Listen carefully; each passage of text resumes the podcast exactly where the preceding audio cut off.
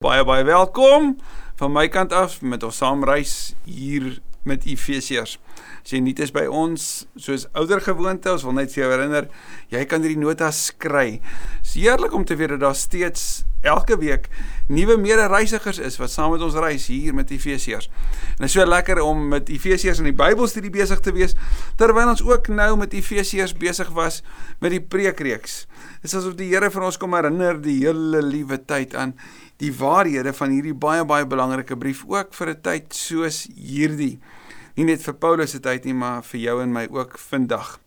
As jy verlede week kan onthou, daar in hoofstuk 3 het ons afgeskop en Paulus het met die gemeente gepraat. Hy sê ek sê ek bid uit die tronk uit vir julle, ek's in diens van Christus en ek wil net vir julle herinner aan aan aan my gebed juis vir julle wat nie Jode is nie.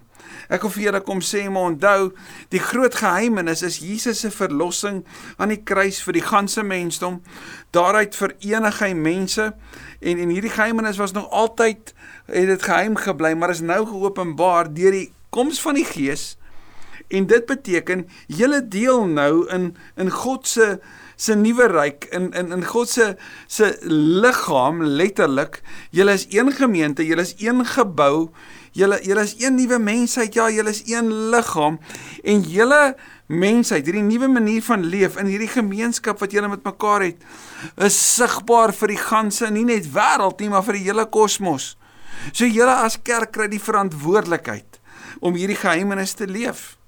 Julle moet dit letterlik grond toe bring. En dit, hierdie nuwe mensheid is vir almal sigbaar. Hy sê ek bid dat julle sal weet hoe groot die onpylbare rykdom is wat julle in Christus het. Dat julle sal verstaan dat God se reddingsplan was van alle ewigheid nog. God se plan was van die begin af om ons te verenig in hierdie een nuwe mensheid saam met hom dat ons sal deel in hierdie liefde. Hierdie hierdie liefde wat ons nou van gaan lees in hierdie modelgebed van hom, hierdie mooiste gebed van hom wat ons eintlik sal sal oorweldig as ons dit sou besef. En daarom het hy vir hulle gesê ek bid dat julle nie moedeloos sal word nie. Moenie lafhartig word nie. Moenie julle harte verloor omdat ek in die tronk is nie. Ek weet ek is in die tronk omdat een van julle Trofimus saam met my was toe ek in die tempel in Jerusalem was en dit die rede was hoekom hulle my gevange gehou het, geneem het. En die rede is eintlik hoekom ek hier is. Maar maar moenie dit moenie dit dit julle vreugde steel nie. Inteendeel, beskou dit eerder as 'n eer, want Paulus verstaan mos om te ly vir Christus is 'n wonderlike voorreg. Om dit wat ek doen te doen vir die Here is 'n wonderlike voorreg. Dit is agtergrond. Kom ons bid saam. Dankie Here Jesus vir die voorreg wat ons het om op hierdie dag, op hierdie tydstip in ons elkeen se lewe te kan stil word. Die voorreg wat ons het om die klank in ons lewens af te sit en te hoor wat U wil sê. Om te leer om te ontdek, om gevorm te word. Asseblief kom gryp ons harte weer aan. Asseblief kom doen wat net U kan doen o Gees van God. In Jesus se naam. Amen. Amen. Efesiërs 3 vanaf vers 14. Hy het nou vir hulle sê hulle by bid dat hulle nie samoedeloos word nie. Hulle moet dit eerder as 'n as 'n eer beskou dat hy is waar hy is. Daarom kniel ek in gebed voor die Vader, aan wie die hele gemeenskap van gelowiges in die hemel en op die aarde sy bestaan te danke het. Paulus kom sê, ek kniel voor die Skepper, vir wie hy is die oorsaak dat ons almal hier is. Hierdie woord kniel is is 'n besondere manier van bid. Dis letterlik om nie net op jou knieë te gaan nie, maar om jou hande vooruit te strek met jou kop as dit ware teen die grond met 'n desperate gebed kom sê ek kniel voor die Here. Dit is 'n 'n teken van om nederig voor hom te wees. Dit is 'n teken van eer betoon, maar dit is ook 'n teken van ek wil voor julle niks word sodat dit wat ek bid sal waar word in julle lewe. Hierdie Here aan wie die hele bestaan op aarde se dank het in die hemel en op aarde dit vertel iets van 'n ewigheidsperspektief op hierdie Vader wat wat in die hemel is maar ook teenwoordig is op die aarde en wat alles tot stand gebring het. Wat Johannes 1 sê dat voor die begin van die skepping was hy daar. Kolossense kom sê vir ons deur hom het alles tot stand gekom En hoor dan Paulus se gebed vers 16.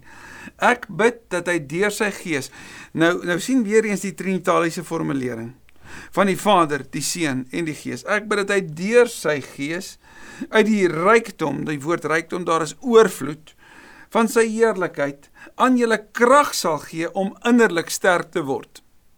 En ons gaan sien hoe Paulus vir ons help om te verstaan dat hoe meer ek na binne verander, hoe meer gaan ek na buite verander. As my binne mens sterk is, daai dinamus, daai krag het, dan gaan ek na buite al hoe meer anders leef. Maar meer nog, as my binne mens sterk is, dan gaan ek al hoe meer sê, Here, kom verander my al hoe meer. So die sterkte daar het nie te doen met my my selfbeheersing of my selfvertroue of my selfverstaan nie. Dit gaan al hoe meer oor om gevul te wees met God. En jy gaan sien hoe mooi dit is wanneer Paulus dit ook vir ons oopbreek. Hy sê God is die bron van heerlikheid en ons moet mooi sien hoe Paulus in hierdie gebed God se heerlikheid en God se liefde aan mekaar sit. Dat jy dit nie uitmekaar uit kan haal nie. Dat God se heerlikheid is net so 'n fokus op God se liefde.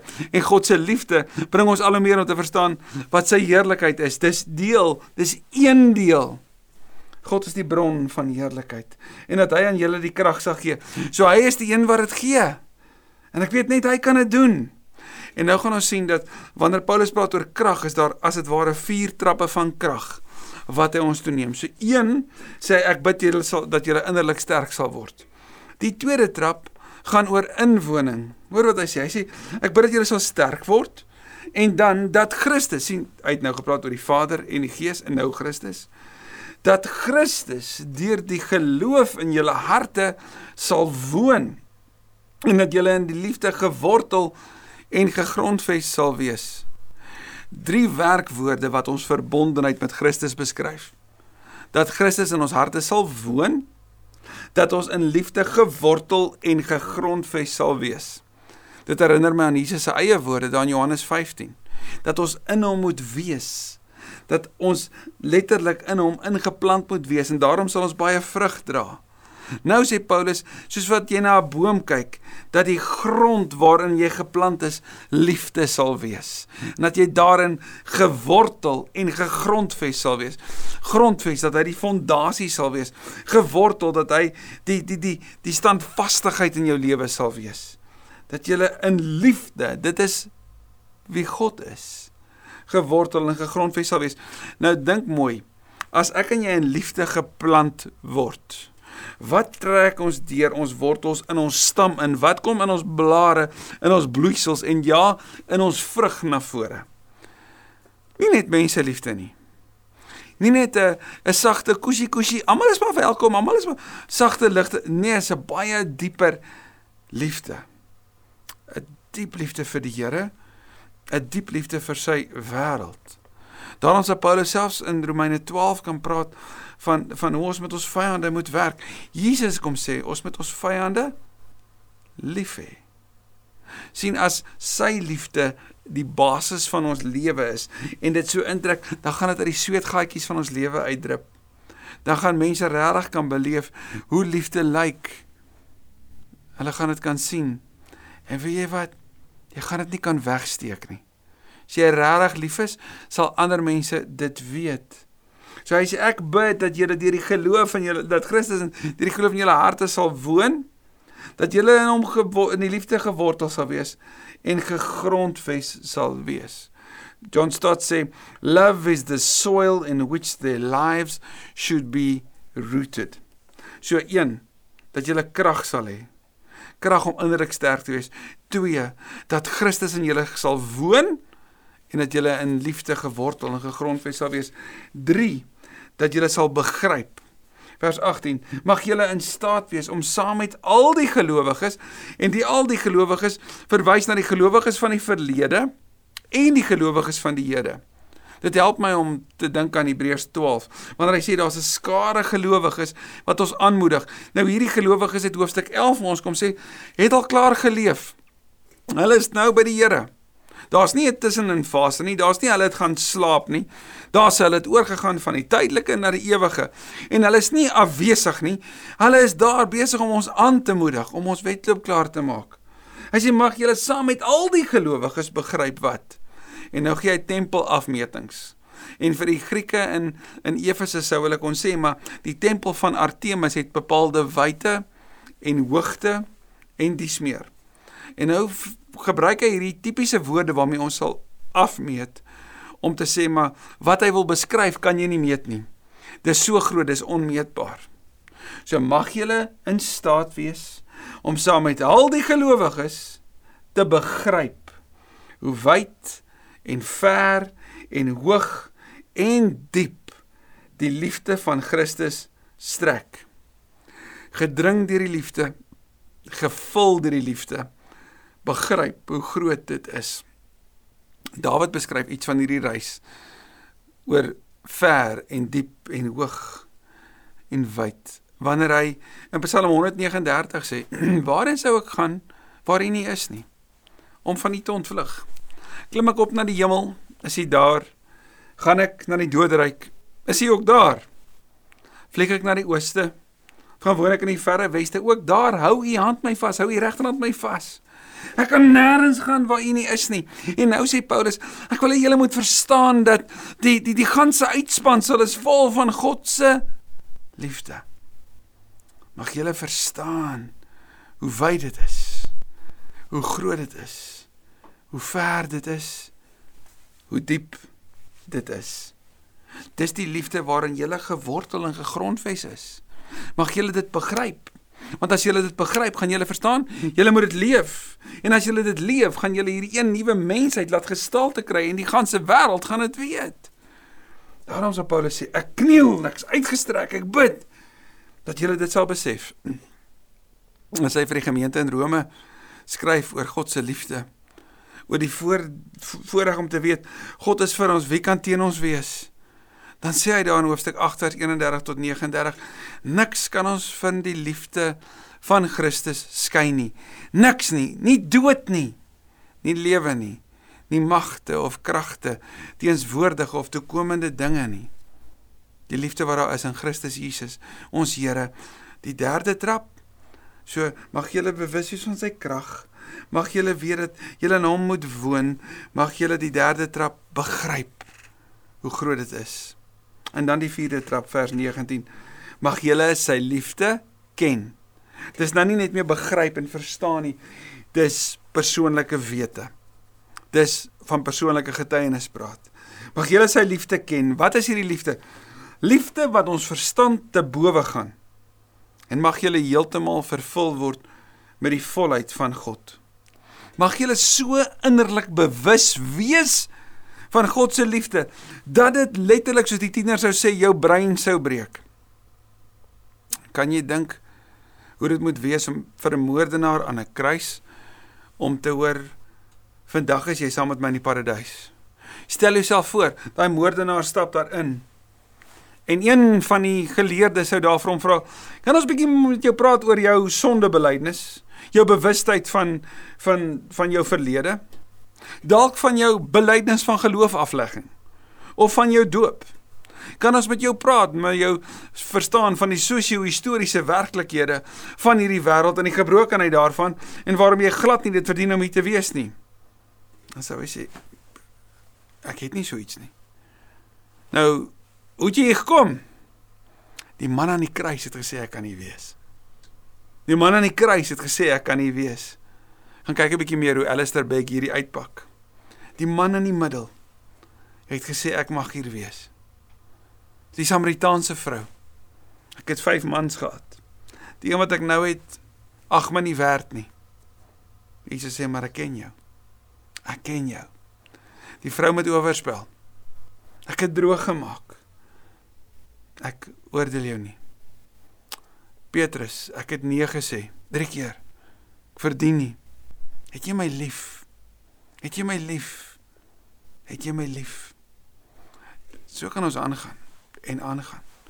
Wat van jou en my lewe? Jy mag dalk kyk na jou verlede en sê, "Sjoe, dit diskwalifiseer my. Ek kan nie die Here dien nie." Hoe kan hy sy genade teenoor my bewys? Hoe kan hy my vergewe vir die goed wat ek gedink het, gesê het, gedoen het? Goed waarvan niemand weet nie. Hoe kan hy my vergewe? Mag jy weet hoe lief hy vir jou is. Mag jy sy liefde ken. Liefde wat jou verstand te bowe sal gaan want jy en ek kan dit nie kwantifiseer nie. Ons kan dit nie in 'n botteltjie saamvat, saamsit en 'n plakker opsit en sê hierdie is God se liefde nie. Sy liefde is groter as dit. Sy liefde is so groot dat selfs 'n boetie en 'n sussie vir die moordenaars wat wat hulle ouers vermoor het, kon gaan kuier in die tronk. En kom beleef dat daai moordenaars vir hulle kom sê ons het 'n verskriklike ding gedoen. Maar ons het Jesus ontdek. En ons wil vir julle kom sê ons is so jammer. En ons wil ons lewe toewy om om herstel te bring. En hoe daar in daai gesprek tussen 'n boetie en 'n sussie en die moordenaars van hulle ouers heilige gemeenskap is. Herstel is. Liefde wat verstand te bowe gaan. Liefde wat ons totaal oortref. Liefde vol genade en waarheid. Vers 20. En nou sien jy hoe Paulus beweeg het van die Here wat die bron is van eer en heerlikheid, is die Here wat sy liefde vir ons gee en wat vir ons die krag gee om sterk te word, wat ons help om in hom te woon, is nou die Here aan wie ons weer die eer en die heerlikheid bring. Ons sien liefde en eer hoort by mekaar. Dis nie verdeel nie. Aan hom wat deur sy krag wat in ons werk en dis die Gees magtig is om oneindig meer te doen as wat ons bid of dink. En ja, die bid of dink vir jou en my as westerlinge is dit onmiddellik, watse projekte gaan ons aanpak? Wat kan ons alles waag om te doen? As jy die konteks van Efesiërs sien, dan weet jy hierdie gaan oor verhoudings. Die Here is in staat om oneindig meer te doen as wat ek en jy kan bid of dink vir verhoudings, vir die herstel daarvan, vir die saambring van hierdie nuwe mensheid wat hy tot stand bring. Oneindig meer kan doen as wat ons bid of dink. En dit sê Paulus, 'n Jood wat besef dat dit wat vir hom belangrik was, is nou niks meer belangrik nie. Want kyk wat het die Here in my gedoen. Aan hom kom die eer toe. En dan sê hy hierdie woord in die kerk. Hulle wat die vergestalting moet wees van dit wat God doen. God moet die eer kry in die kerk. Hoor mooi, niemand anders nie. Geen statusse nie, geen eerposisies nie. Geen hierdie is die meer heiliges en daai is nie minder dit nie. Nie in die ganse kerk. Die ganse kerk moet hy die eer kry. Deur ons verbondenheid met Christus, soos deelname in hom, deur al die geslagte heen van altyd tot altyd tot in alle ewigheid. Een familie van alle tye heen verenig onder die hoof Christus waarvan God die Vader is, die pater familias is wat vir jou en my kom leer my liefde is so groot, so wyd, so ver en so diep dat dit jou verstand te bowe sal gaan. Mag jy dit besef vandag. Ek weet ek en jy ken mense Ons ken mense van wie ons waarskynlik verwag die Here moet hulle straf. Die Here moet moet regmaak. Die Here moet hulle seermaak want hulle het ons geweldige skade aangedoen. Hulle het seer gemaak. Hulle het gesinne opgebreek, huwelike opgebreek, besighede verwoes, lande verwoes. Mense verwoes. Mag ek en jy besef te midde van daai gevoel van onreg, daai gevoel van onwerklikheid, te weet dat die enigste teenmiddel vir die siekte van die sonde en die verdeling wat dit bring, is die liefde van God. Die liefde van Christus wat ons so kan vul. So kan vul. Want Paulus sê ek bid dat jy heeltemal gevul word met die volheid van God. Dis die volheid van sy liefde dat ons werklik bedienaars van verzoening sal wees. Nie omdat ons liefde goedkoop maak nie, maar juis omdat ons liefde verstaan. Dankie Here Jesus vir u liefde. Dat die boodskap van die evangelie is God het die wêreld, die wêreld so liefgehad dat hy sy seun, sy enigste gegee het sodat elkeen wat in hom glo nie verlore sal gaan nie maar die ewige lewe sal hê. Amen. Amen. Onthou die Here is vir jou baie lief.